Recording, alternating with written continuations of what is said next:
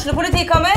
Ine Jansen er purk. Er du purk? The motherfucking bitch. Alt jeg vil, er å finne ut hva som skjedde med mannen min. Jon Carew. Er jeg sikta for noe? Iben Akeli. Det er du. Ole So, Lars Berrum og Big Daddy Karsten. Hvem sin side er du på, egentlig? Anette Hoff, Tone Danielsen, Kommer du fra Afrika?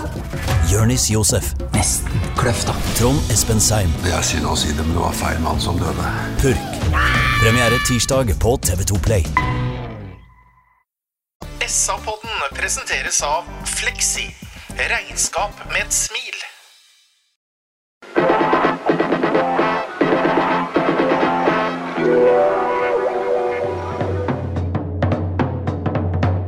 Sarpsborg Arbeiderblad gir deg en ny episode av SA-podden med Petter Kannes, Øystein Weber og Bjørn Inge Bingen Nilsen.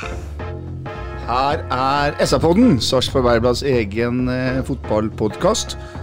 Og har vi vært i kjempehumør på de to siste podkastene, gutter, så er det vel litt mer molefonkent her i dag. eller Hva sier Øystein Weberg? Ja, vi spiller ikke noe veldig dårlig fotballkamp, det går ikke på det, men det er et såkalt eh, veldig surt eh, tap. Og nå Ja, null poeng i dag, det, det gjør noe med humøret. Ja. Hei på deg, Sven René Nygaard. Hei, hei, Petter. Og Bjørn Inge Binge Nilsen er her. Hei, hei, Petter. Bra. Jeg heter som sagt Petter Kalnes og har lyst til å gjøre litt annet enn vi pleier å gjøre i dag. Jeg har lyst til å gå på én situasjon som er helt avgjørende for denne fotballkampen. På stillingen 0-0 etter eh, 69, 68 minutters spill. 65. 63 minutters spill. Så står uh, Bjørn Inge Utvik og Anton Skipper som en midtstoppermur inne i feltet. Det er blitt skutt et knallhardt skudd rett i kroppen på Utvik. Ballen skifter retning, treffer hånda til Anton Skipper. Det blir dømt straffe, og han får sitt andre gule kort. Og blir vist ut, selvfølgelig. Tenkte du, Sven? Jeg vet hva, Det aller, aller første jeg tenkte altså, Ok, eh, bare for å si det, men VAR. Eh, der, der Den er kommet for å bli, så det, det har jeg bare slått meg til ro med. Men, men samtidig så savner jeg fotballen min. Den fotballen jeg har vokst opp med. Eh, der hvor man eh, en gang i tida hadde noe som het ufrivillig hens, osv., osv. Her kommer et slagskudd inn i en kall hvor han andre beveger kroppen, og armen blir jo med i en bevegelse og treffer.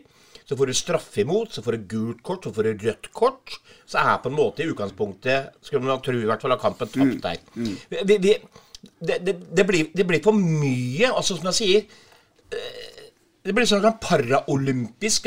De, de kan spille seniorfotball for dem eh, som har mista armene sine. Altså, Du har en arm til noe. Og så Skipper har jo ikke noen mulighet. Ikke gjør han seg større, ikke vil ballen gå i mål. Det er liksom eh, fotballforståelse, skjønn.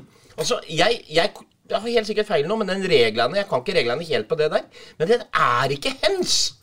For meg så er det ikke hens. Og det blir så jævlig dobbelt straff.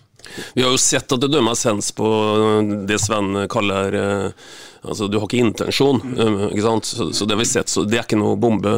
Og skal vi kritisere skipper for noe i dag, så er det ikke at han rekker å trekke ned hånda si, for det er ikke noe menneskelig egenskap. Altså, når en friidrettsutøver blir tatt i tjuvstart, så er det ikke for at han starter før skuddet går, men han reagerer for tidlig etter at det skuddet har gått. De har laga en margin på det og sagt at det så fort kan ikke et menneske reagere. De tusendelene tar før den slår i kassa på Utvik og opp i handa til skipper den, den, den, kan ikke skipper gjøre noe med. Så skal du kritisere skipper for noe i den situasjonen, så er det den hånda han har. For han har den litt høyere enn det han Sven illustrerer her i studio. Han står litt høyt opp med høyrehånda, der bør han ikke ha hånda, men ja, men hvor skal han ha hånda? Følger du med bevegelsen hans? Ja, han, han, han, treffer ganske høy hånd, da, Sven. Men uansett, jeg er enig med deg. At, at, men, men, men, igjen, vi har jo sett at det dømmes på dette, da. Men han kan i hvert fall ikke rekke å ta vekk hånda. Det er ikke noe menneskelig egenskap. Men dere går jo glipp av hele vorspielet her, gutter. For uh, det her er jo rene kålrabimafiaen. Det her uh, var. For det som er foranledningen, og hvis vi sammenligner en episode hvor Jeppe Andersen fikk rødt kort, jeg tror det var i første kampen han spilte for 08, så går VAR inn og korrigerer dommeren til å gi direkte rødt på en takling på Sarpsborg stadion. Her er jo en foranledning hvor det er kropp mot kropp med Mathisen på Brann og junior som hvor, hvor, hvor, vi viser to sekvenser på TV-en etterpå om at det er feilaktig corner. Og det er Mathisen som spiller ballen ut i corner. Og, det er, og, og VAR ser på det, og de går ikke inn og korrigerer. Og det er faktisk det som er foranledningen til det vi sitter og prater om. Men det er også vanlig. De tar ikke situasjoner som eh, Det er tydeligvis ikke De mandat gjorde jo det på Jeppe Andersen, da. Ja, Ja, men det er utvisningssituasjon. Da skal vi gjøre det. Ja, men det her er jo helt horribelt. Ja. Det er jo, Vi Ja. har muligheten til å gå inn og korrigere noe når TV-bildene er så klare. Den Ja. sekvensen to-tre ganger før corneren blir slått. Og han har VAR på øret, og han har linjemann på øret. Og han dømmer da corner til Brann, som er helt feilaktig. For det er Mathisen som slår den ut i corner. Det ser alle. Den Ja. corneren blir Ja. svinga inn. eh, eh, Utklarert. Mm. Ett skudd klarert. Pang i brøstet på Utvik og opp i armen på Anton Skipper. Og det, det er du rett i, vet du, Bingen. Men, men det er en av de tingene som VAR har vært bekymra for nå, at det går så mye tid på at man skal se på skjermer. Så hvis man skal da begynne å se på masse forskjellige foranledninger som på en måte er feil dømt, da, i forhold til rett før et fotballmål f.eks., så blir det antageligvis for mye. Men det er selvfølgelig Men dommeren skal jo se der uansett. Men det, det fritar ingenting, for vi snakker ikke om den corneren. Corner kan du få mange i løpet av en kamp. Det vi snakker om, er hva som skjedde inne i straffefeltet. Og det syns jeg fortsatt er forbanna Ja, irriterende. men Så isolerer den Bingen sier, så er det sånn at eh, dommeren kan, eller VAR kan gå inn og ta, rette opp en grov feil. Ja. Og så her, når du snakka med Rune Pedersen på stadion, Sven, så var det ikke engang om, om ballen vår Eller det straffesparket som Skipper fikk mot seg da, det var ikke en grå feil av dommeren. Nei. Så klart, da er det ikke en grå feil i Ivor hjørnespark heller, tilsynelatende. Nei, og Selv det er helt avgjørende for Ja, kampen her. Det er helt avgjørende, og følgefeilen blir som Bingen sier, den situasjonen. Uten corner så hadde vi ikke sittet og diskutert den situasjonen, men jeg tror det har noe med mandatet til VAR og som Ja da, Sven er ja, inne på. det. Det står, Så, så, så, Men for øvrig så er jo svak dommerprestasjon total mangel på Faen for en linje. Ikke kunstig intelligens, men total mangel på fotballintelligens. Han dømmer jo, han legger seg jo på linje som er helt knallhard i starten, og så plutselig så hagler korta i, i hytt og pine. Han klarer jo ikke å Nei, nei, balansere nei, kampen i det hele tatt. helt. Og han er jo ikke resolutt i det han gjør. Så det her var en svak prestasjon. Og når han overser, og han kommuniserer med linjemannen sin, det er helt overbevist om på den situasjonen der sånn som fører til den corneren som igjen fører til utvisning, rødt kort og mål imot og straffe og alt som er. er faderen, altså. Det, det må jo få Ja, konsekvenser. jeg, jeg er uenig med deg, Bingen, når og du sier at uh, Aslam uh, Uman Aslam Osman Aslam heter han, unnskyld, spilte en uh, dømte dårlig kamp. Jeg syns han la seg på en linje som du fikk jo lov til Det var jo mannfolk plutselig. Vi har sett pinglete fotballkamper så mange ganger nå, så jeg syns det var var det er jeg enig i, Petter, men skal være litt det var deilig at det smalt litt, og han fikk lov til det. skal være litt enig med Binge nå, at jeg jo likte den linja han la seg på. Helt nydelig. Og da fikk vi se våre entertainere for øvrig, Mm. som jeg har sagt, som var i krigen i dag, noe så inn i svarte. Mm, Og de var de peisa på, de gjorde en fantastisk kamp, men plutselig så var det en periode hvor korta bare kom. Ja, måtte så rette seg inn i det ja, og, og da skal han ta igjen for ting han føler er feil. Mm. Men er det noen her som så noen intervjuer etterpå? For jeg fikk ikke Nei, jeg vi, har ikke, vi rakk jo ikke det. Jeg syns. Billborn også så ganske rød ut i huet. Men nå skal vi tilbake til Hensen. Jeg, jeg har en påstand Øystein Weber, at hvis vi hadde sett ti sånne situasjoner, altså der en spiller uten å ha mening får ballen i handa, så kan seks av dem straffe og fire av frie. Er ikke det her et kjempeproblem for fotballen? Vi vet jo ikke engang hvordan vi skal tolke hens-regelen. Nei, og det er et kjempeproblem. Og når du, du diskuterer med Bingen om dommeren var god eller dårlig, stikkordet her er jo linje. Jeg kan være litt sånn midt imellom jeg da, og si at jeg sliter litt med å få øye på den linja da, ikke sant? Mm. linje er for meg noe som er et gitt nivå gjennom 90 minutter. Det ser vi ikke da. Det varierer veldig. Det varierer veldig, og det er det som gjør det veldig uforutsigbart. uh, Hva gjorde der. du som politikeren, vet du? Jo, men som svarte på et spørsmål han ikke fikk. Ikke sant? Ja. Og svaret på det du gjorde, eller sp- spurte om, det er jo 50-50 eller 60-40 eller hva det er i forhold til Nå hadde jo vi to utviklingssituasjoner for noen kamper tilbake som eh, gikk i vår favør. Uh, I hvert fall én av de situasjonene der var jo, var jo også en uh, hens-situasjon. Så det er rett og slett utrolig vanskelig å få øye på den såkalte linja. da. Når du, når du snakker om 60-40, og så kommer jeg til å tenke på en ting i gamle dager nede hos Totten i Rosen 10. Når jeg er spent. Der var det ofte 80-20. På hva da? Hva tror du? Nei, det skal vi ikke si.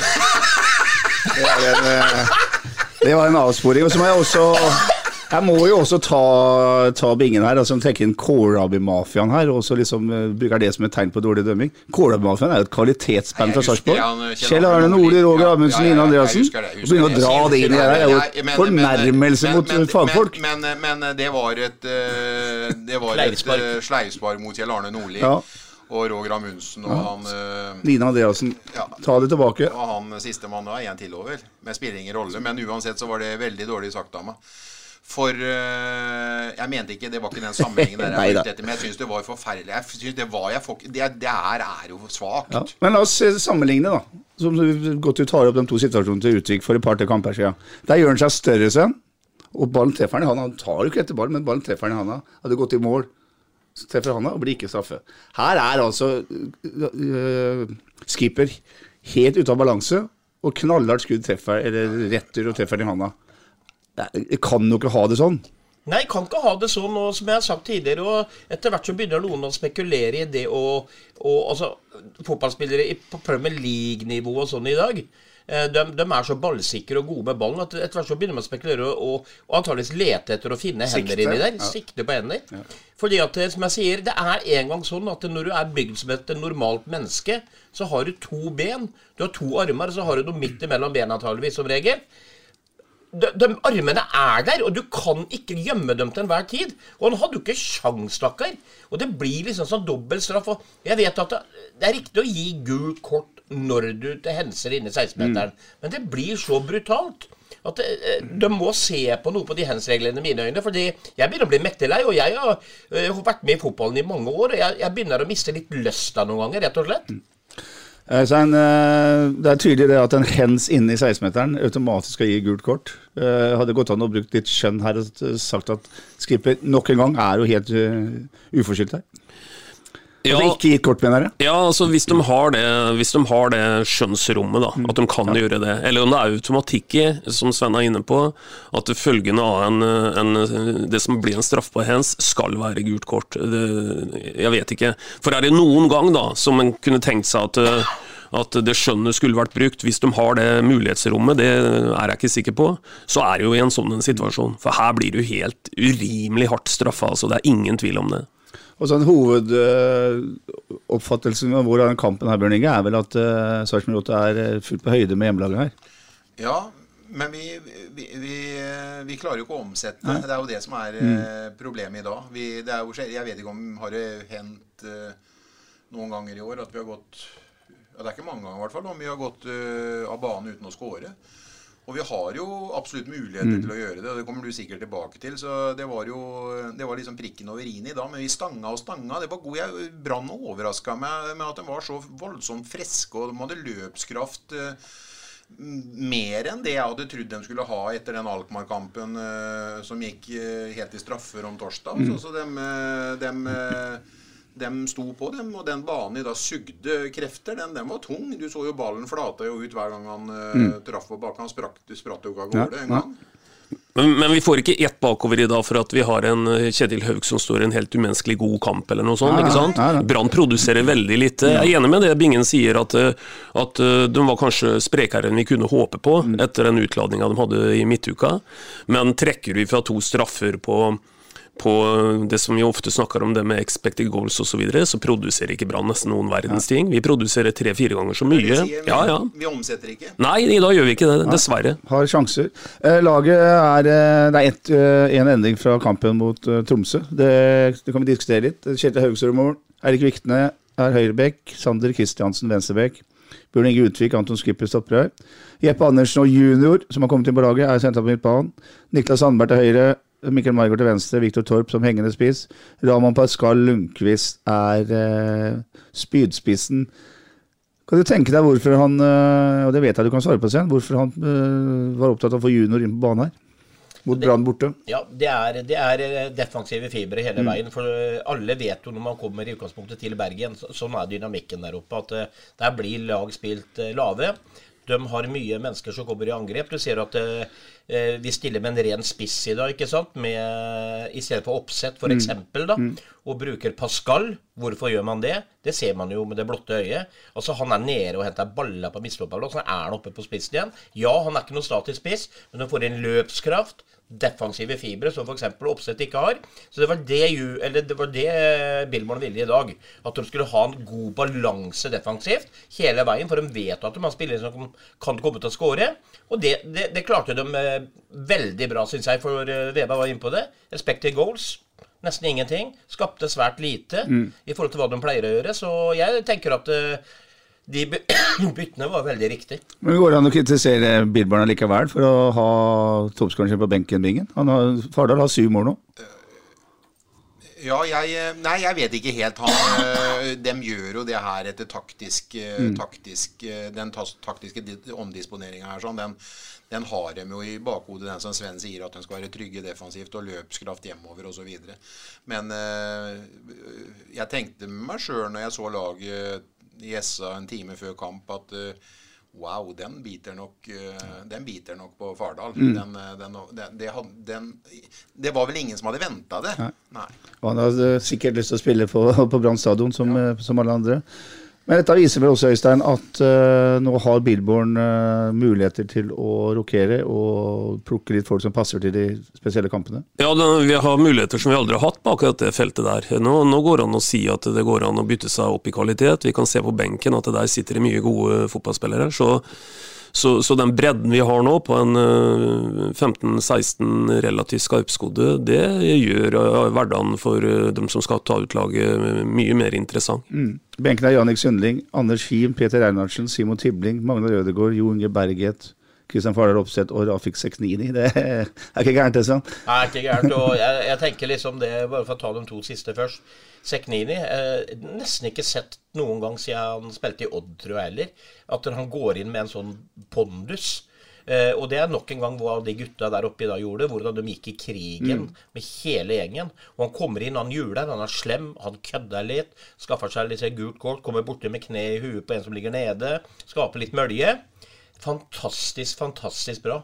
Men eh, ja, han andre, hvem var det du sa? Per? Nå glemmer jeg, vet du. Huet mitt. Seknini og Kom inn sammen med Fardal, da, hvis du kommenterer Jo, men det, du innleda med Stilte meg spørsmål, vet du. Så jeg husker ikke helt hva du sa. Utrolig hvor mye sånn junior- hjerneceller som det er jo lenge siden. Det er lenge siden. Du sa junior.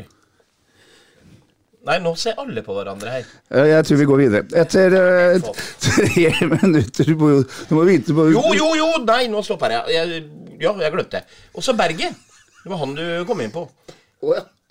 Det er mange som har sagt om å være rustne. Bingen, du har vel vært en av dem òg? Som er litt uh, fortvila på det, kanskje? Jeg vet ikke.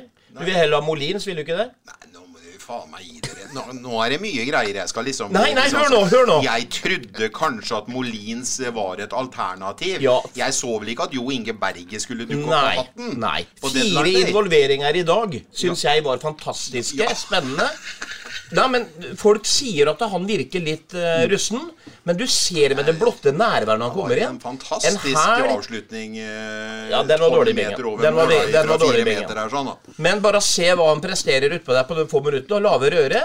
Han kommer til å bli god. Etter tre minutter så kommer kampens første målsjanse, og da har eh, vår venn Joakim eh, Soltvedt møtte møtt Eirik Vikne for første gang på en, en fotballkamp. Uh, Vikne kommer rundt den og slår et eh, Nei, det var Sandberg som kom rundt Soltvedt. Ja, unnskyld. Det var er- Sandberg som kom rundt Sandberg eh, beviser hvorfor, hvorfor vi er veldig glad i Niklas Sandberg. Eh, Den er litt vanskelig også å forsvare seg mot, den litt frekke inngangen han gjør der. og Det ender med en kjempesjanse. Eh, Torp klinker jo til og treffer eh, keeperen rett i sånn halsregion. Han får ikke opp noen hender eller noen ting.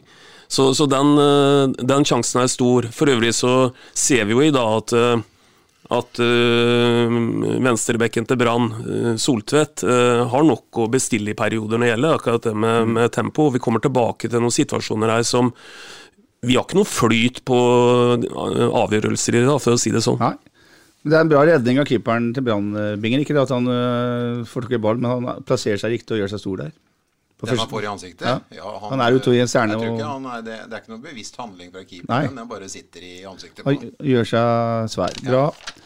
Eh, så er det det, det er sjansefattig, men det er masse dueller, nesten i overkant. Jeg tror begge, begge trenerne Sven, syns at dette her er en kamp som ikke, liksom, ikke får noe kontroll på. Nei da, og jeg, jeg tror eh, sannheten er at begge lag eh, har veldig respekt for hverandre. For de vet, Brann vet hva 08 har gjort i det siste. Og hva de er i stand til. Og vi vet jo selvfølgelig hva Brann er i stand til. Og da nuller man hverandre litt ut i midtbaneleddet. Det blir mye dueller. Og du ser jo eh, nok en gang Jeppe i dag syns jeg var helt formidabel i perioder. Og han kjører to fingre i brystkassa på en uh, heltene Nilsen. Melder seg på i krigen. Og sånn går det over hele linja. Og det var derfor jeg nevnte Sekrini som kom inn. Altså, det var liksom så gjennomført i dag. Så jeg, jeg står stor respekt av den bortekampen til 08 i dag, som kunne endt på mange andre måter. Jeg syns faktisk vi hadde fortjent å i hvert fall få med ett poeng. Men uh, i dag bevisste de det, at de kan faktisk grave i kjelleren. altså. De kan gå ut og vinne krigen, og det gjorde de med mange tilfeller. For helten Nilsen fikk jo ikke dominere i særlig grad, eh, Bingen. Nei, han gjorde ikke det. Det var eh, sånn, litt sånn utenomsportslige ting igjen som han er kjent for bestandig. Men han, eh, han hadde vel en sånn ok middels jobb eh, dag på jobben. Men uh, han driver og graver litt i nesen og tar litt i halsen på oss. Og jeg skjønner ikke at vi tillater det engang, jeg. Nei, Hva hadde du gjort da, siden disse motstanderne hadde begynt å se pelle på nesa? Akkurat Altså den fysisk sett. Den, den jeg ser for meg nå, når eh, Viktor Torv står her, han tar opp av nesa, så hadde jeg bare sett den rett i øya. Så tror jeg jaggu jeg hadde satt bare to For der, der oppe hadde de skruknotter. Ja, ja. Det satt fire knotter rett opp av rista på den. Så hadde jeg bare kjørt panna rett inn i panna på den. Altså såpass at du ikke får rødt kort, men at han får vondt. For det der er ikke greit. Nei. Ellers hadde han eh, gjort sånn at du ble rødt kort, så hadde Sivert vunnet den duellen der òg, Øystein. Ja, det hadde han jo gjort da, uh, men, men her bringer han det å provosere til et helt nytt nivå. Det skulle vært artig å være flue på veggen i VAR-rommet, vi snakka VAR i stad.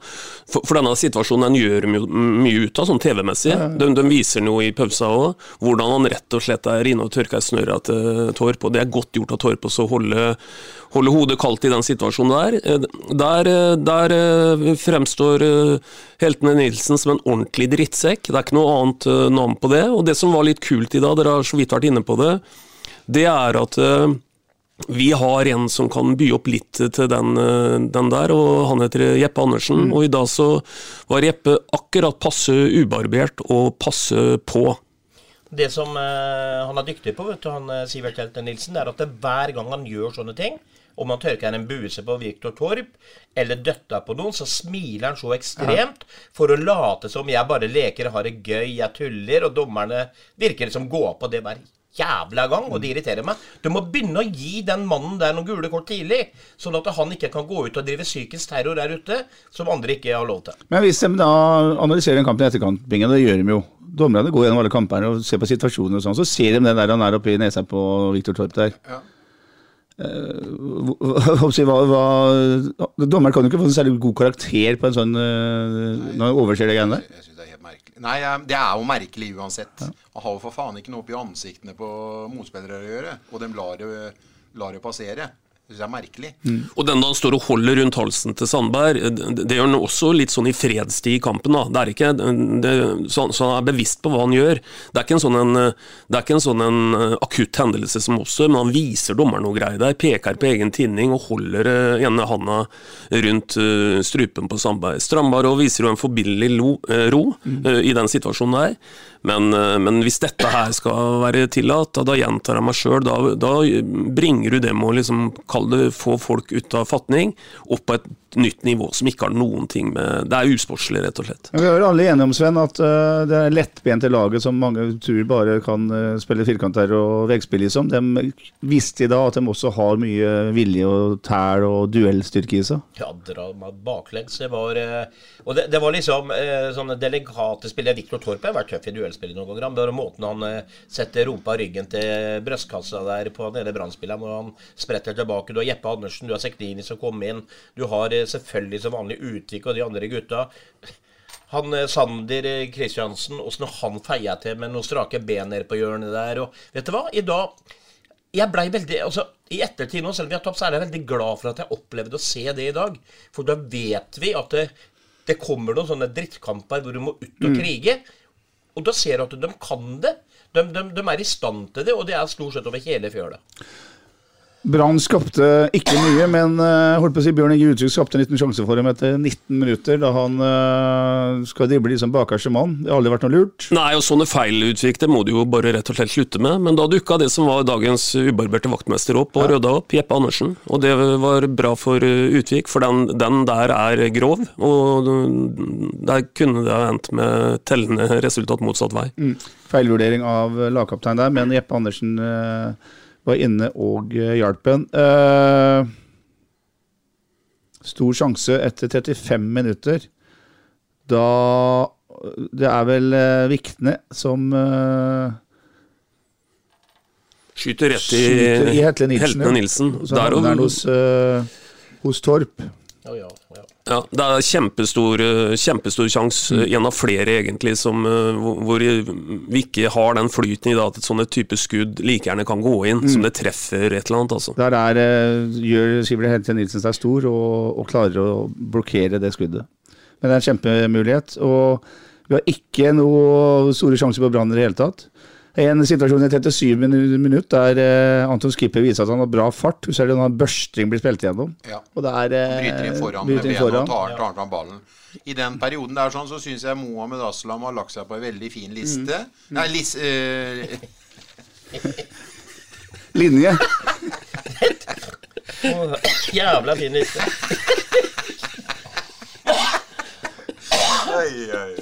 Han har lagt seg på fin linje der. Ja. Og godtar eh, at det smeller litt i skruknottene. Siste eh, På overtid i første omgang så har Brann faktisk en eh, par lange angre på rad uten at det skaper noe. Men da satt jeg litt grann og frykta et bakgrunnsmål, men det kom ikke 0-0 til pause. Og så går Sarpsborg rett i strupen på dem etter hvilen. Mr. Weber. Ja, virkelig. Da, da skaper vi mye de første minuttene. Og igjen så er det jo marginer at ikke vi får tellende resultat uh, der. Eh, det er flere, flere sjanser. Jeg tar den kjempemuligheten til han eh, Viktor Torp der. Jeg synes han fikk den volleyen. Han står nesten inne i mål, så på tre-fire meter og kliner til en rett i en Brann-spiller. Ja, ja. Eh, en sånn super målskårer der ser vi litt opp og finner et eller annet hull som man kan sette ballen i. Ja, eh, det er klart at det der er en altfor stor sjanse til å misse det òg. Vi, vi, ha- vi hadde jo flere av dem, som du sikkert kommer inn på etterpå. Det, ja, det var liksom den dagen her i dag, tror jeg, hvor vi på en måte gjør alt vi har blitt enige om, antageligvis i garderoben. Vi går ut, vi er mannfolk. Vi spiller god fotball. Vi spiller Brann lave. Eh, og så får vi ikke noe tellende resultater. Da. Og, og det, det er jo dessverre litt sånn Det har vi jo opplevd før. Vi skaper jo mer enn motstander i mange kamper, og så kan vi risikere å ikke vinne og, og tape dem. Så vi må bli litt mer eh, kliniske der. Så får vi håpe nå etter hvert da at eh, dette går den rette veien, og at en f.eks. en Jo Inge Berge da med sin enorme rutine og kraft, eh, den svære mannen etter hvert, eh, får en bedre avslutning enn det du kommer tilbake til etterpå. Ja. Men tapet blir liksom litt sånn ekstra surt for guttene. Det biter så jævlig i kveld, tenker jeg. Ja. Fordi at der, de føler de gjør en eh, kamp til punkt og prikke som de har blitt enige om på tavla før de skal ut. Ja. Ja. Og her er jo, sånn som vi snakker nå, så er jo usannsynlig, ikke usannsynlig, men lite sannsynlig at Brann plutselig skulle begynne å skape mye sjanser med 11 mot 11. Ja, ja. Ja. Nei, vi gjør, en, vi gjør en taktisk god kamp, tenker jeg. eh, Ja. Defensiv struktur og alt det. 48 minutter så står Torp en frispark som skipper header over, og skipper er nå i hendelsenes sentrum for eh, ett minutt etterpå. Så er det en duell på første stolpe foran målet til Sarpsborg 8. og Skipper er i, i ryggen på Brann-spilleren. Han detter, og det blir blå straffe. Eh, kommentatoren på TV snakker om en hens. Jeg finner ikke Jeg noe hens. ser ikke noe hens. Jeg tror det er en dødt i ryggen, og syns det er et jækla bilde i straffespark. Ja, men det, Er det han tar på? Ja, men hør nå, det er veldig symptomatisk for den flyten, eller antiflyten vi har i Mm. dag. For den situasjonen er ikke engang kommentator helt sikker på hvem situasjonen han blåser på, om det er en første eller en andre situasjon. Og det illustrerer egentlig ganske godt at eh, det er en type situasjon som er litt tolkbar, men det detter ned i vår, vår disfavør. Til og med Mariann lurte på hvem situasjonen det var Ja. hjemme i stua. Og jeg kunne ikke svare. Nei. Nei, og da så vi tre-fire repriser likevel. Ja. Tar han på, treffer han benet på han, eller er det hens? Nei, den var jo ikke der, som du sa. Da må det være den lille skubben da, Ja. som du hadde blitt hengt opp på knaggen for som eh, dommer i Premier League. Og da, Hvis du hadde da, dømt. da skal du ikke blåse. Nei, skal ikke blåse straffe der. Det er eh, ja, veldig Men rart. da, der visste jo juksa seg, da. Ja, det er bra uttrykk. Det. Juksa viste seg da Bård Finne dunka eh, det straffesparket i eh, tverrleggeren. Helt oppi hjørnet. Var, eh, hadde vært en lekker straffe hvis han hadde gått eh, ti centimeter lavere, men det gjorde han heldigvis ikke. 57 minutter så tar Margaard ut begge kantene sine. Mikkel Margaard og Niklas Sandberg inn med tar ut begge kantene. Unnskyld, Billborn tar ut begge kantene. Margaard og Niklas Sandberg. Rafik Seknini og Simon Tibling kommer inn. En Tibling som har vært eh, het på trening. Eh, alt jeg har sett av trening de siste ukene, i hvert fall. Han er, eh, begynner å finne seg sjøl. Og Seknini, som jo er veldig spennende. Så. Ja, Seknini er veldig spennende, men før vi har kommet til de byttene, Petter, jf. det nå at vi får eh, en litt sånn marginal straffe mot oss. Uh, husker du situasjonen hvor Vikne utfordrer Soltvedt? Og Soltvedt eh, kjenner jo Vikne godt, så han tenker at min eneste mulighet for å ta han er å bruke hendene. For uh, han løper jo akkurat dobbelt så fort som meg. Så da står, uh, står Soltvedt innenfor 16 og fakker uh, Vikne med begge hendene og holder, holder, holder. Det kunne like gjerne vært blåst til straffe på det. Den er en mer straffe i mine øyne enn hvis de dømte på den dytten til skipper, faktisk. Og frispark hver gang utafor 16-meteren. Ja, ja, ja. Bra. Det er eh, sånn det er. Så kommer 63 minutter, da, og den duellen vi, eller den situasjonen vi allerede har snakka om, der altså skipper får sitt andre gule kort, og det blir dømt straffe, og eh, eh, heltene Nilsen eh, jo bare leker den inn i hjørnet. Det var et eh, flott eh, straffespark. Og da tar eh, Billborn ut eh, Pascal Lundqvist, som man ofte gjør når man får en utvist midtstopper. Ut med spiss og inn med Magnar da, som spiller stopper. Og så etter 79 minutter så gjør han uh, siste trekk, uh, Bingen. Ut med junior, ut med Eirik Vikne.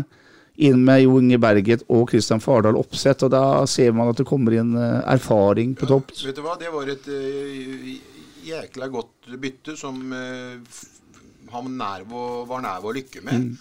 Begge to var eh, veldig involverte, og jeg syns Seknini blomstra med Berget og oppsett på, på banen enda mer enn eh, han liksom har gjort noen gang. Så det der var en kombinasjon. Og Berget er jo eh, wow for en ballkontroll. For en Se bort ifra den han blåste over, som, eh, som selvfølgelig han skal score på så er han involvert i positiv fortegn flere ganger. Og han gjør medspillere gode.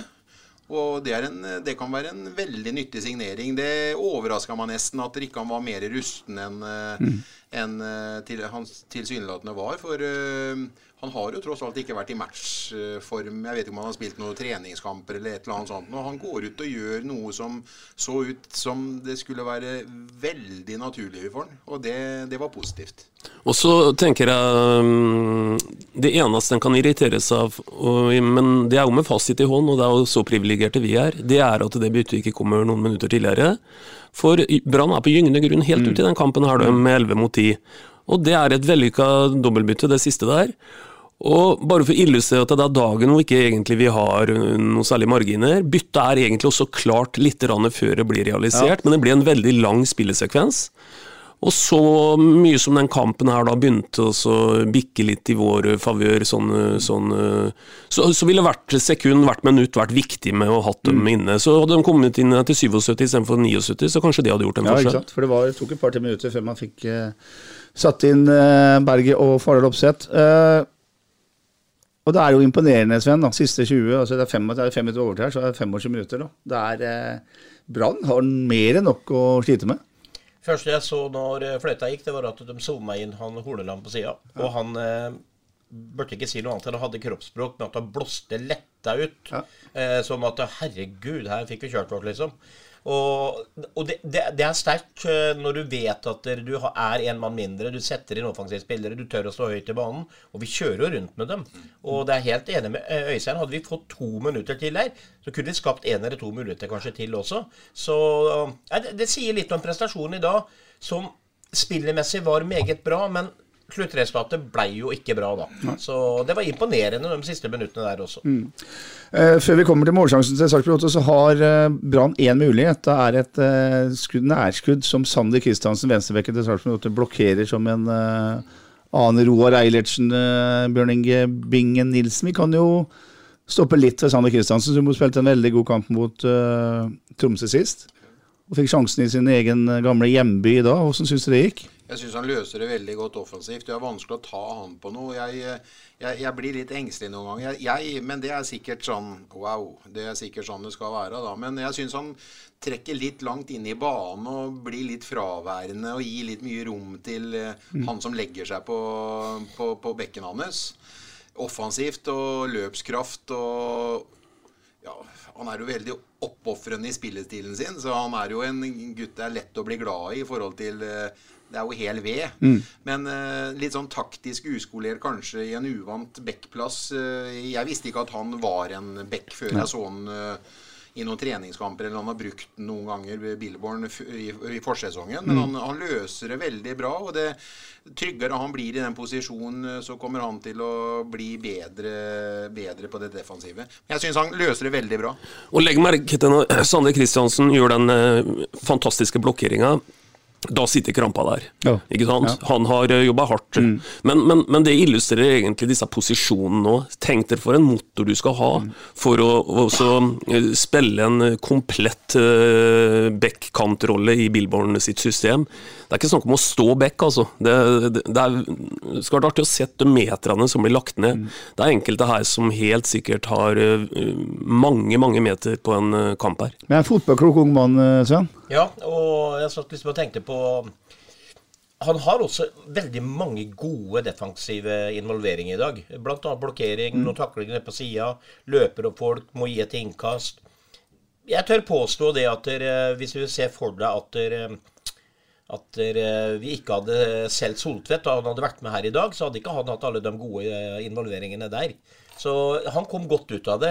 Men det er som Veberg er inne på, han har en, en Jo, men jeg, han Ja, var jeg lo av noe annet. Jeg bare tenkte på han hadde veldig moe, mye gode involveringer defensivt, samtidig som han er med offensivt. Han er jo upolert, da. Det er ikke noe rart han blir, har jo blitt kasta i det dette her nå.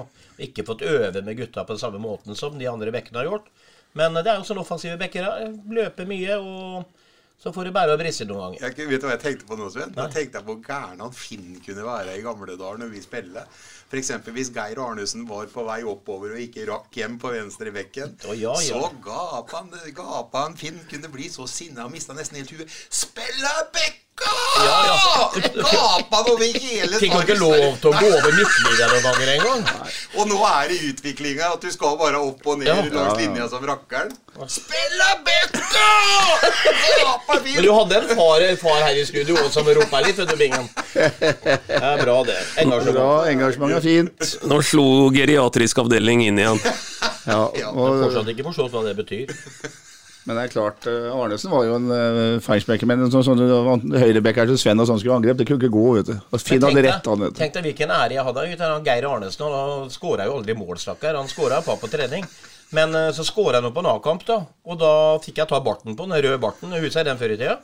Han kom som glattpolert og sa 'Å, den er fryser, gutter', sa han. Han tok seg på overleppa. Nei, det er mye moro å tenke Så på. han, eh, når han endelig skåra, så måtte Barten Ja, gå? da, da, det, det, var avtale, det. At hvis han skåra mål, så gikk barten. Ja. Og den barten var jo heldig for den stakkar. Den hadde jo med seg hele livet omtrent. Plutselig var det borte. Ja, det er bra. Arnesen som har også blitt en syklist av rang på sine gamle dager. Blant mye annet. Vi tar de fire målsjansene som Sarpsborg måtte skape de siste, det siste kvarteret, altså inkludert overtid. Først så er det, tre sjanser her. Det er Berges, som vi har omtalt allerede. Hadde vel blitt en offside-vinking, Stein? Nei, Nei. den tror jeg VAR hadde gått inn og frigitt. Ja, Oppse vinking hadde det blitt, for han uh, løfta flagget. Men, men der uh, har vi snakka med Bingen i stad om mandat til varerommet. Her har vi mandat, så hvis han hadde satt den, som han naturligvis skal gjøre, og den hadde blitt avvinka, så hadde den blitt retta. Det er min Ja, påstand. det er min påstand også. Og da er dere sikre på at VAR hadde skjønt det? VAR-dommeren hadde sett det? Ikke så det Nei, du vet, er aldri sikker på det ene. Nei, han snur seg og tar en sånn der eh, Han var onside. Ja. Det er poenget. Han tar en Ja, ja. eh, slags bak eh, sånn volley med ballen bak ryggen sin. Jeg tror han prøver å styre den tilbake igjen med rista si, faktisk. Men det, hans forsvar, den dukka jo brått opp. Ja, det er jo ikke, du fikk ikke akkurat uh, Nei, den bør du ikke forsvare. den. Den skal han sette ti av ti Ja, ja, ja, ganger. men, men den kommer fort på. Ja, Ja, ja. kommer fort på. Etter 88 minutter står det vel på blokka mi, så er det Tibling som uh, stjeler en ball. Kommer eh, skrått mot mål på høyresida. Uh, og tar et valgsrenn som han vel neppe skulle gjort. når du så reprisa, så blir du mer og mer frustrert. Og så her kommer oppsett bakfra. Du ser han er langt foran eh, motspiller Brann. Mm. Men han begynner å få en dårlig vinkel i forhold til Tibling, så begynner Oppsett å bremse. Trekke. Mm. Trekke seg litt tilbake. Så hvis han slår den på skrå inn, Mm. så ligger keeper der framme, og så setter han Bresia i åpent mål. Seknini jeg med òg, vet du. Ja, ja, men Opseth skal ha den. Oppsett skal ha Oppsett skal den. ha. Mm. For han, han gjør det så rutinert som en målskårer skal gjøre. Som sagt bremser opp, sånn at det er lett å treffe en. Ingen motspiller i nærheten. Og så bare brese inn. Han laver etter en knøttliten målsjanse, vet du, noe som er enormt stort. Og hvis du ikke skjønner det, Tibling, så, så trodde jeg i hvert fall at du hadde skjønt at det er en som vet akkurat hvor han skal posis posisjonere seg i sånne situasjoner, så er det Fardal. For det er jo som guttene sier, han begynner å dempe farta litt og få, få den nødvendige vinkelen. Så hvis Tibling bare hadde tenkt på én ting, sikt på Fardal, så måtte dette gått fint. Men det han gjør, det, det er jo det dårligste valget. Ja, altså det er jo tross alt ikke noen guttunge, Simon Tibling. Han begynner å bli en erfaren fotballspiller. Har spilt på høyt nivå lenge, Bingen. Men eh, valget, valget er håpløst. Overraskende helt forferdelig dårlig valg.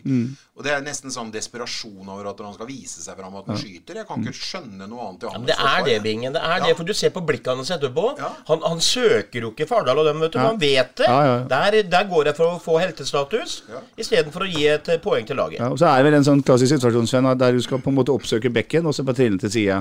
Det er Ja, jo to ja, ja. mot én, ikke sant? Ja, ja, han trekker jo han. Han trekker jo, Ja, ja, ja. trekker jo med seg. Han drar den jo med seg. Han skaper jo det rommet for Fardal. Og Fardal hjelper det. Han skal ha han, da. Ja. Det er en uh, gedigen målsjanse. På overtid så er det Fardal Opseth som uh, skyter fra kort hold etter at uh, Seknini og Berget har uh, spilt litt seg imellom. Uh, Hælspark fra Berget, vel, Sven, og så dunker Fardal til og treffer en rød en innpå nærmest på streken. Ja. Nei, det er, det er jo en kjempestor sjanse. Du, tenker liksom den, den som han eh, Viktor hadde tidligere i kampen. Ja. Hvor mye åpning det var i det målet der, og egentlig hvor stor åpning det er i det målet på en sjanse til oppsett her. Det, er, det er nesten som straffespark i mine øyne. Det er kjempesjanser. Og på det nivået her så skal man treffe dem på golden, og det Nei, vi har vært inne på det. Vi får eh, svelge den karamellen, holdt jeg på å si. Vi kan jo ikke suge på den, men vi vil i hvert fall tenke at det her var en bra spilt bortekamp, og at vi ikke hadde marginer med oss, og vi må bli dyktigere. Og hvis, vi, hvis det her er linja vi ligger på framover nå, det blir gøy, altså. Det blir det, gøy. er, det er bare form med seg, Weber. Ja, de er i form. Det er et bra fotballag. Vi har mye, mye å spille med, og i hele tatt eh, Jeg syns ting ser veldig bra ut, ja. Tabellen akkurat nå er Sarpsborg på syvendeplass med 30 poeng etter 21 kamper. Så er det eh, i topp akkurat nå. Viking er eh, på 45 poeng nå som Bodø-Glimt ligger under på Hamar. Det er vel 2-0 til eh, 2-1 ja, til eh, hjemmelaget Kamma.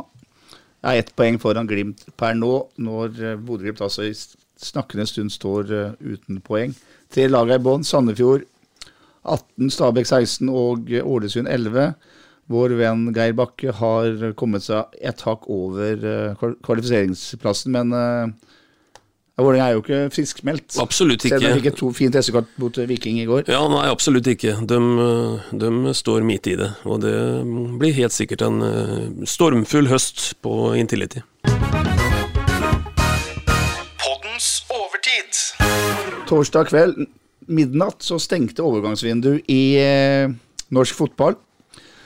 Og da gikk det unna på Sarpsborg stadion, Øystein, for i løpet av eh, noen hektiske timer så kom det inn to fine forsterkninger, nemlig nevnte Jo Inge Berget og den nigerianske midtstopperen Franklin eh, Tebo, som ingen har lært oss at det uttales, fra Hekken på Hissingen i Gøteborg.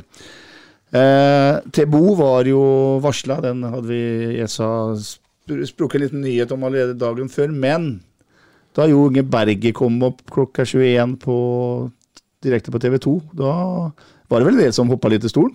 Det var helt sikkert noen som hoppa litt i stolen. Vi snakka tross alt om en som en gang i tida var en av øhm, de absolutt beste offensive spillerne i Norge. Hadde fast plass på landslaget en periode. øh, endte vel med 20 kamper. Eh, Men så tenker jeg selvsagt også sånn at hvis du hadde kommet til meg, Petter, og skulle liksom gitt meg et stikkord på hva som var på vei inn, og så, du, så hadde du sagt at det er en nordmann som fyller 33 år om en uke, og så har han ikke spilla i år, så hadde jeg jo tenkt at eh, Jeg hadde jo ikke tatt stiften av det. Men, men eh, dette får vi bare gi en sjanse. Det er ingen tvil om at han har, eh, har kvaliteter. Og så er det en annen ting med det som er litt underkommunisert. Det er en lavrisikosignering, det du gjør her. For, for nå er det skrevet en kontrakt ut året. Alle skjønner at det er begrensa. Du, du bruker ikke 1% av totalbudsjettet engang på å signere en eh, en Berge. Så dette, dette, har egentlig bare en eh, oppside, tenker jeg. Og det skal bli spennende å følge den framover. Men uh, Bingen, det er vel et Det er vel kostbar lønnsutgifter likevel på ti kampene han skal spille?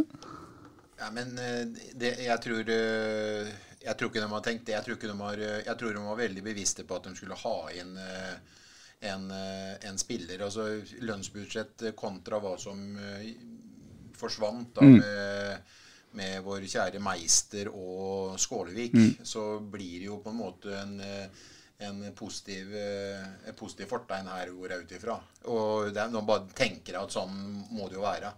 Og Jo, Inge Berge takker ja for han har lyst til å komme inn i manesjen igjen. Og han har vel sittet på gjerdet og latt to vinduer, eller ett vindu gå ifra seg. Han trodde det vel liksom nesten litt sånn som Molins, da vel. At det ble et, det, det gikk, gikk ifra et vindu, Mm. og på Molins så ser det ut som det går to vinduer nå. Og Jo Inge Berget, jeg tenkte umiddelbart så tenkte jeg at det, eh, ti kamper igjen. Han er jo ikke i toppform, og jeg ser vanskelig Hva skal han klare å bidra med på så kort tid? og klare å komme i kampform og så utgjøre en forskjell. Sånn, eh, sånn tenkte jeg med den overgangen. Han eh, eh, syns jeg jo virka super, superspennende. Og da var jeg jo helt overbevist om at Utvik eh, var solgt når de gikk til det skrittet og skulle hente han. Og så Cato Clausen var jo intervjua i SA. Det var faktisk veldig, veldig, veldig morsomt å se Mm. hvordan den eh, kvelden der ble da på deadline day, og hvor nære det var på at det her skulle gå i vasken. Mm. Måtte jo spille ferdig kampen i Aberdeen, og det svenske forbundet skulle inn, og norske skulle inn, og Hekken skulle inn, og 08 skulle inn. Så det var bra jobba, Klausen. Men eh, Jo Inge Berge visste, eh, i hvert fall i dag, på det lille innhoppet han hadde, at Ola Minne ble gjort til skamme, og at det er en eh, en, eh, jeg kan godt si det med en gang at Jo Inge Berget er en, er en klassespiller som kommer til faktisk å utgjøre en forskjell for Sarpsborg 08 i øst. Bra. Eh, 33 år snart, Sven. Ikke spilt da på et halvt år, ikke vært i kamptrening. Men eh, det er en, han er jo fortsatt sugen, da. Sannsynligvis. Og har, eh, har lyst til å komme seg ordentlig i gang igjen. Ja, og så er han jo ikke sånn som meg og Veberg, f.eks. Som bare Veberg går jo litt rundt og er godt trent, da, men uh, og Bingen spør seg med kokosolje oppi kulde og seiras og sånn. Han, han har ikke holdt på sånn, han. Nei, nei. Han trener, mener du? Han tror jeg er trener. Han er, nei, men Sånne profesjonelle gutter som han, da. Vært med i det sirkuset i så mange år. Spilt på et ordentlig nivå. Vært landslagsspiller, vunnet masse med Malmö osv. De stopper plutselig ikke å løpe. vet du. De, de holder seg fit, for de vil ut i det vinduet. Og da vet du med det sjøl, at jeg må prestere hvis jeg skal leve av fotballen en stund til. Og det så det virkelig ut som han eh, har gjort både kroppsmessig og alt. Og syns han var rapp i steget og god i vendinger og sånn. Så nei, det blir fantastisk spennende. Og så er jeg veldig enig i Bingen med han eh, Tebo. Eh, jeg har sett litt sånn YouTube-an og sånn. Han har jo smellfart, altså. Ordentlig fart i beina. Det eneste jeg var litt redd for, er at han spiller på høy risiko. Eh, spiller seg ut bakfra, små marginer, men lykkes på, selvfølgelig på de YouTube-videoene. Men det er jo sånn Billboard vil ha, da. Hvis vi får en god forsvarsspiller med god fart, samtidig bra med ball i beina, så er det Billboard-stopper de luxe. Ja, og det er jo sånn at Tebo er en, eh, helt riktig, han er ikke en mann for Per-Mathias Høgemo, som eh, vil ha litt annet enn typer. Og han har jo også Even Hovland her, som er, er veldig spennende, spillende, da. Ja. Så kanskje det er for mye med to av dem sammen, ikke sant. Når det gjelder eh, Berget, så er det ikke sånn at han ikke har fått tilbud. Han har ikke gått i et, et, et overgangsvindu i vinter uten å få et eneste tilbud. Han fikk mange, mye tilbud, men det var eh, ikke noe som matcha det han hadde lyst til. Og jeg tror ikke han hadde f.eks. lyst til å reise til Tyrkia, som det, som det bl.a. kom noe tilbud fra, så vidt jeg skjønner. Så det var nok eh, todelt i at han ikke fikk seg noen ny klubb. Jeg bare kaster inn noe vi ikke har diskutert når det gjelder Tebo. da. Jeg tror at Hvis vi går gjennom uh, fotballhistorien, og så sjekker eh, alle overganger vi kan finne, så tror jeg denne her er unik på ett område. Nesten helt unik. Og det er at vi venter eh, på å få eh, klart dette her pga. at han spiller også for den klubben som skal selge den, helt til salget blir realisert. Ja, og kvalik til Europa. Og det er kvalik til Europa, og Hekken skal altså da være med på flere arenaer. Og alle skjønner da at eh, bred stall osv. det er et stikkord for å få til det. Og han er altså ikke lenger unna førsteelveren i Hekken da, enn at han spiller den absolutt siste tilgjengelige kampen han kan være for Hekken. Og jeg kommer ikke på sånn i farta noen særlige overganger hvor du henter en som uh, kommer fra 90 minutter hos uh, selgende klubb. Det er veldig Det her spesielt. blir jo- så er, jo, er han jo i spilleform. Ja, ja. Altså, og nå som skipper da blir utvist i dag, så er vi jo ikke redd for at han skal gå inn og, og spille her. Nå er det jo eh, landslagspause. Er vi 14 dager til neste vi skal spille hjemme. Jeg husker ikke hvem vi skal hjemme. Lillestrøm. eh, Lillestrøm. Lillestrøm ja. Så han går jo rett inn mm. og skal temme Lene Olsen, han der. Og Ja. det blir jo veldig, veldig gøy å se, da. Han får jo, Vi bør ikke lure på om han skal debutere nå, vel? Nei da. nei da. Og han er eh, også da I og med at Meister, eh, som jo er dansk, er skada og da sykemeldt ut året, så, så går jo han inn og, og er det sistemann på uh, utenlandskvota også til Sarpsborg 8. Så den er da på ni, ni spillere. Betyr dette her at uh, Anton Skipper fort kan ha spilt sin uh, siste kamp fra start, i hvert fall? Nei, det kan vel uh, jeg, jeg lurer litt på det Utvik-sagaen fortsatt. Det er, også, det er vel noen land igjen fortsatt som ikke har stengt helt, eller? øh, men uansett så betyr det i hvert fall at det kommer til å gå verst utover Anton Skipper. Det er vel stor sannsynlighet for at det er Utvik og Tebo som spiller øh, stopper i hvert fall øh, hoveddelen av de ni siste, ni siste kampene. Men så er det jo også sånn at hvis det går som eh, de aller fleste i Sarpsborg ønsker, da, eller alle ønsker at Bjørn Inge Utvik skal bli i klubben, så kan man gå inn i en eh, 2024-sesong Øystein, med fire midtstoppere i Bjørn Inge Utvik, Tebo, Anton Skipper og Magnar Ødegaard, og da er du godt forspent. Ja, da er du godt forspent, og det er jo det vi egentlig mm, vil være. Eh, og, mm, så, så det er jo Her skrev vi jo også en veldig lang kontrakt med Tebo. Han har jo kontrakta ut eh, 26, og det blir jo tre og en halv sesong. Det, det, er, jo, det er jo ikke noe som liksom planlegges eh, med han bare på kort sikt. Han skal definitivt være en, eh, en av pilarene i, i framtidas Sarpsborg 08. Tror du at dette her eh, Ja, de, de rigger seg for neste sesong med Åbingen. Som Vi også henter inn, som man sier, på folk på langtidskontrakter. Jeg syns uh, Bjørge Øyestad Hampus uh, er utrolig fremoverlente nå. Jeg, jeg, jeg Vi tåler et salg når det blir uh, rigga for uh, 2024-sesongen sånn som de gjør nå. Så det her er spennende tider vi går i møte. Vi kommer til å få en koselig Eller helt overbevist om at det blir en eh, glimrende høstsesong på, på Sarpsborg stadion i flomlys, og mørket senker seg, og vi kan gå inn med et litt sånn smil om munnen i, i vintersesongen og glede oss enda mer til 2024-sesongen. For den poengfangsten som er på plass nå, den jo, gir jo, som Bingen sier her, mulighet til å slippe å bite negler. Ja, vi, vi bør ikke, bite noe negler, men vi skal ha et poeng eller to til. Men det kommer naturligvis. Og det er jo ingen som ikke tror det etter å ha sett den, eh, den kampen i dag. Vi møter jo mm, motstandere av helt andre kaliber. Men uten å repetere, for ble- vi bør ikke repetere ting så ofte. Vi, vi hadde jo et salg, uh, vi bør ikke nevne navnet engang, men det, det innbrakte mye penger, da. Det er jo hele poenget. Det, det, alt starta litt med det.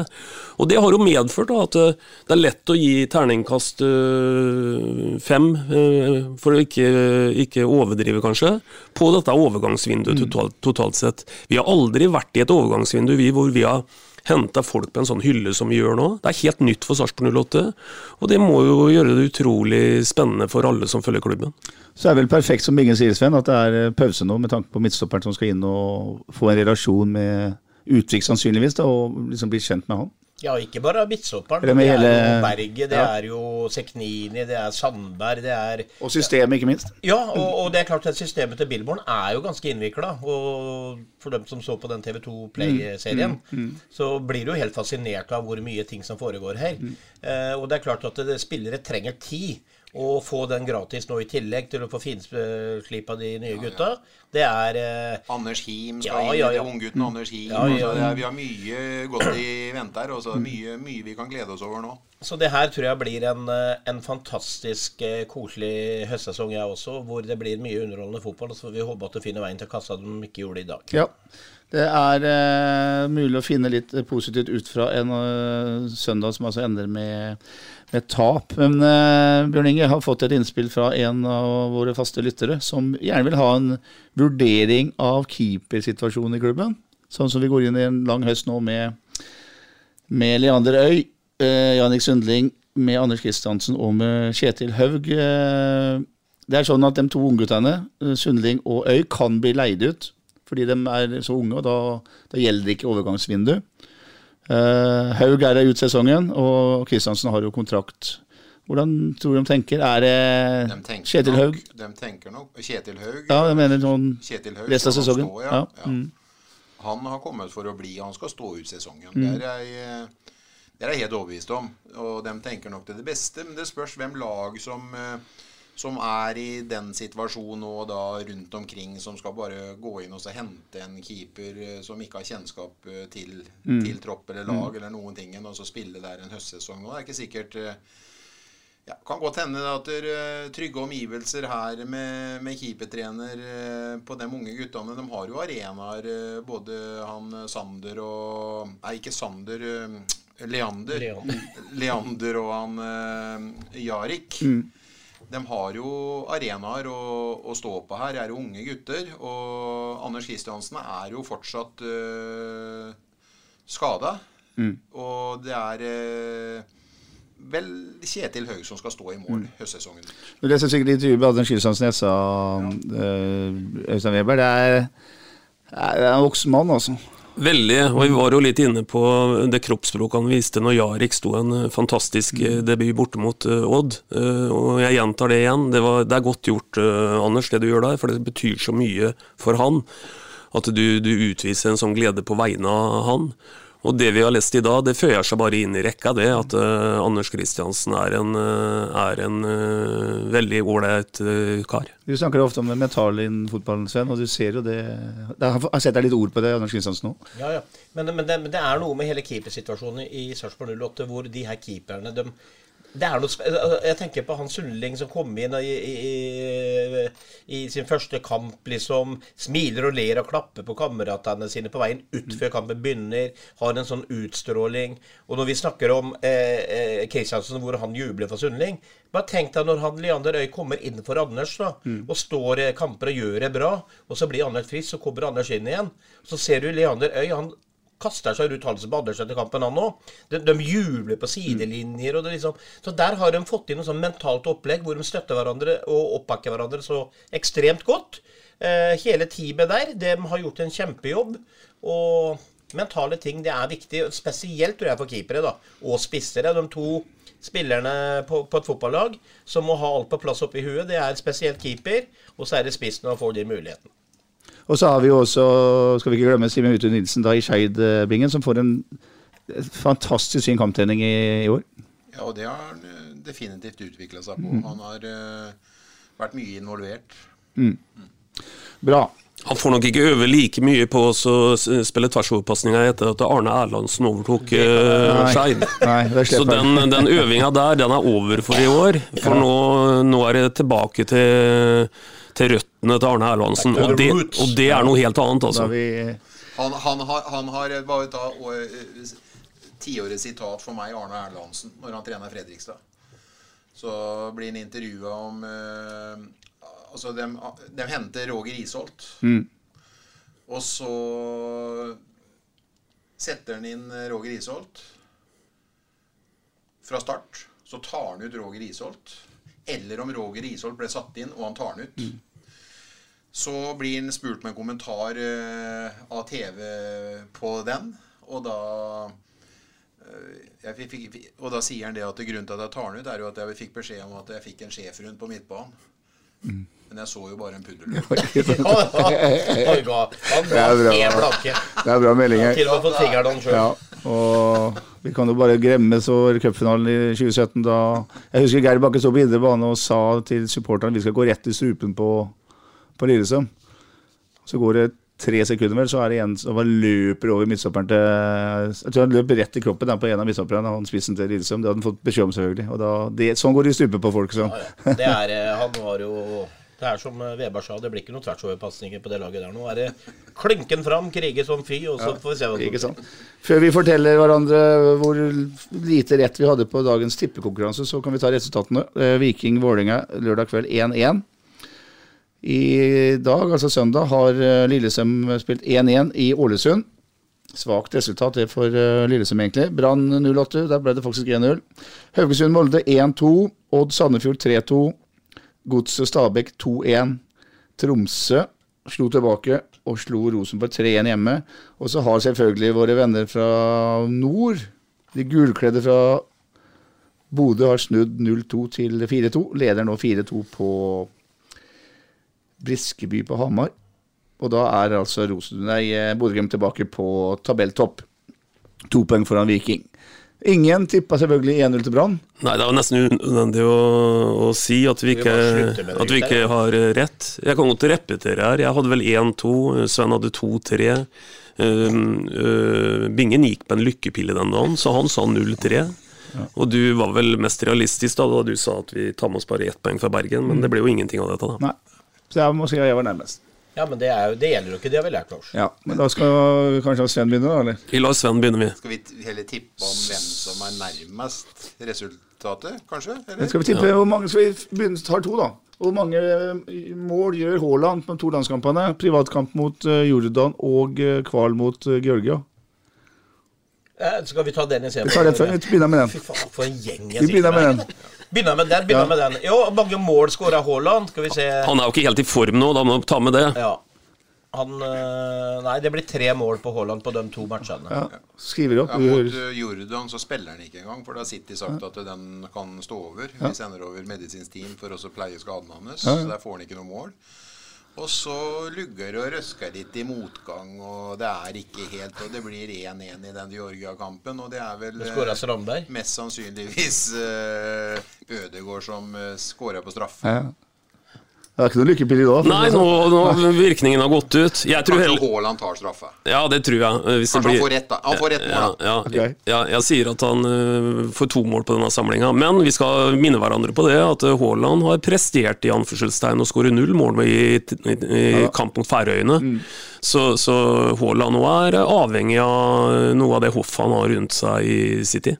Ja, og så skal vi håpe at det blir en fint resultat på Georgia, så kan den kvalet kan leve litt. Men han skårer eh, faktisk to mål mot eh, Jordan, og han skårer to mål mot Georgia, så det blir fire. Ja, Selv om han ikke spiller, skårer han to mål. Det, ja, ja, men det er jo Altså, interessant. han, du vet liksom at han ikke spiller? Hvordan mot Jordan? bare. mot Jordan.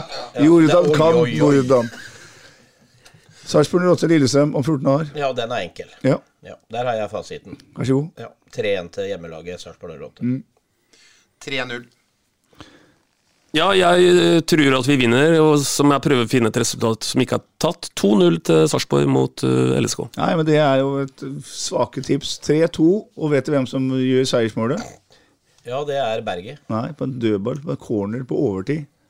Franklin Tebo. 3-2. Skaller inn. Det var ikke tibling. på bakere. Ja, ikke sant? Ja. Da er vel dette her over en eh, lang helg. Ender med en forferdelig fotballkveld. Både fra England og fra Bergen. Øystein. Ja, det er, vi blir prega av resultater. Vi får minne hverandre på det vi egentlig har prøvd å trøste hverandre med hele poden, at det var slett ikke noe dårlig prestasjon i dag. Det er tross alt bedre å tape da enn at det i tillegg hadde vært en helt elendig prestasjon. Det var det ikke. Nei, det er lettere å svelge det tapet her, syns Ja, jeg. i dag. ja. Og det er et statement, og ikke et. Men jeg, men, jeg, men jeg gleder meg jeg vet, til fotballkveld, som uh, vi kan gå hjem og se på reprisen og høre litt intervjuer og sånn. Hva, hva tenker Billborn i dag? Hva tenker Bjørklund og dem om alle de situasjonene som vi vi prata om tidligere? Det blir spennende. For bare si en ting til som runder av litt det der eh, vinduet vi snakka om. eh, Det som var egentlig mer spennende Vi har jo mange sittet og snakka om at vi får jo ikke fortjent oppmerksomhet av riksdekkende medier osv. Nå har det skjedd et par ting den siste uka som er ganske interessant. Det ene er at vi er langt på vei hovedklubben i Deadline Day-sendinga, med den signeringa av Berget. Så uavhengig om Berget hadde slått eller ikke, så er det veldig mye 08-PR i det programmet der. Og så refererer også han eh, Sven til et, eh, et program fra stadion som mm, dreier seg bare om Sarpsborg, uh, i, i Fotballpunch, som det heter. Det er også veldig bra. Eh, Kred til alle involverte, for der, der viser en både fotballfagmannen uh, Billborn, en eh, har ikke minst også et intervju som viser at Sarpsborg Lott er gode til å ta vare på eh, unge afrikanske gutter, og skjønner at det er noe mer enn bare at de skal levere ute på et gress. De må ha livet sitt litt på skinner også. Så det der var eh, omdømmebygging i superklassen, og markedsføringsmessig verdt millioner av kroner. Bra. Vi lar det være siste ord i en pod der fire kaller som har drevet med fotball i hele sitt liv, ikke lenger vet hva som er hens. Takk for i dag. Takk for i dag. Takk for i dag. SA-podden presenteres av Fleksi. Regnskap med et smil. Ukens annonsør er HelloFresh. HelloFresh er verdens ledende matkasseleverandør og kan være redningen i en travel hverdag. Mange av oss har nok vandret i butikken både sultne og uten en plan for middagen, som ender med at vi går for de samme kjedelige rettene gang på gang. Middag burde være dagens høydepunkt. Som HelloFresh kan du nå velge mellom 25 ulike retter hver eneste uke, eller få HelloFresh til å sette sammen menyen for deg. Dette gir deg muligheten til å prøve nye og spennende retter alene eller sammen med familien. Du velger antall porsjoner og får alt levert på døren på et tidspunkt som passer for deg. Oppskriftene er enkle, og maten er lett å lage både for store og for små. Ved å få alt levert hjem får du også mer tid til å dele matgleden med familie og venner. Kanskje det frister med asiatiske tacos eller greskinspirert kylling? Da kan jeg anbefale deg om å gå inn på hellofresh.no. Her kan du bruke koden FOTBALL og få opptil 1779 kroner i rabatt på de første fem matkastene hvis du ikke har prøvd HelloFresh tidligere. Du kan også bruke rabatten hvis du har vært kunde og stoppet abonnementet ditt for tolv måneder siden eller lengre. Gå inn på hellofresh.no og bruk koden FOTBALL. Har du et enkeltpersonforetak eller en liten bedrift? Da er du sikkert lei av å høre meg snakke om hvor enkelt det er med kvitteringer og bilag i fiken, så vi eh, gir oss her, vi. Fordi vi liker enkelt. Fiken superenkelt regnskap.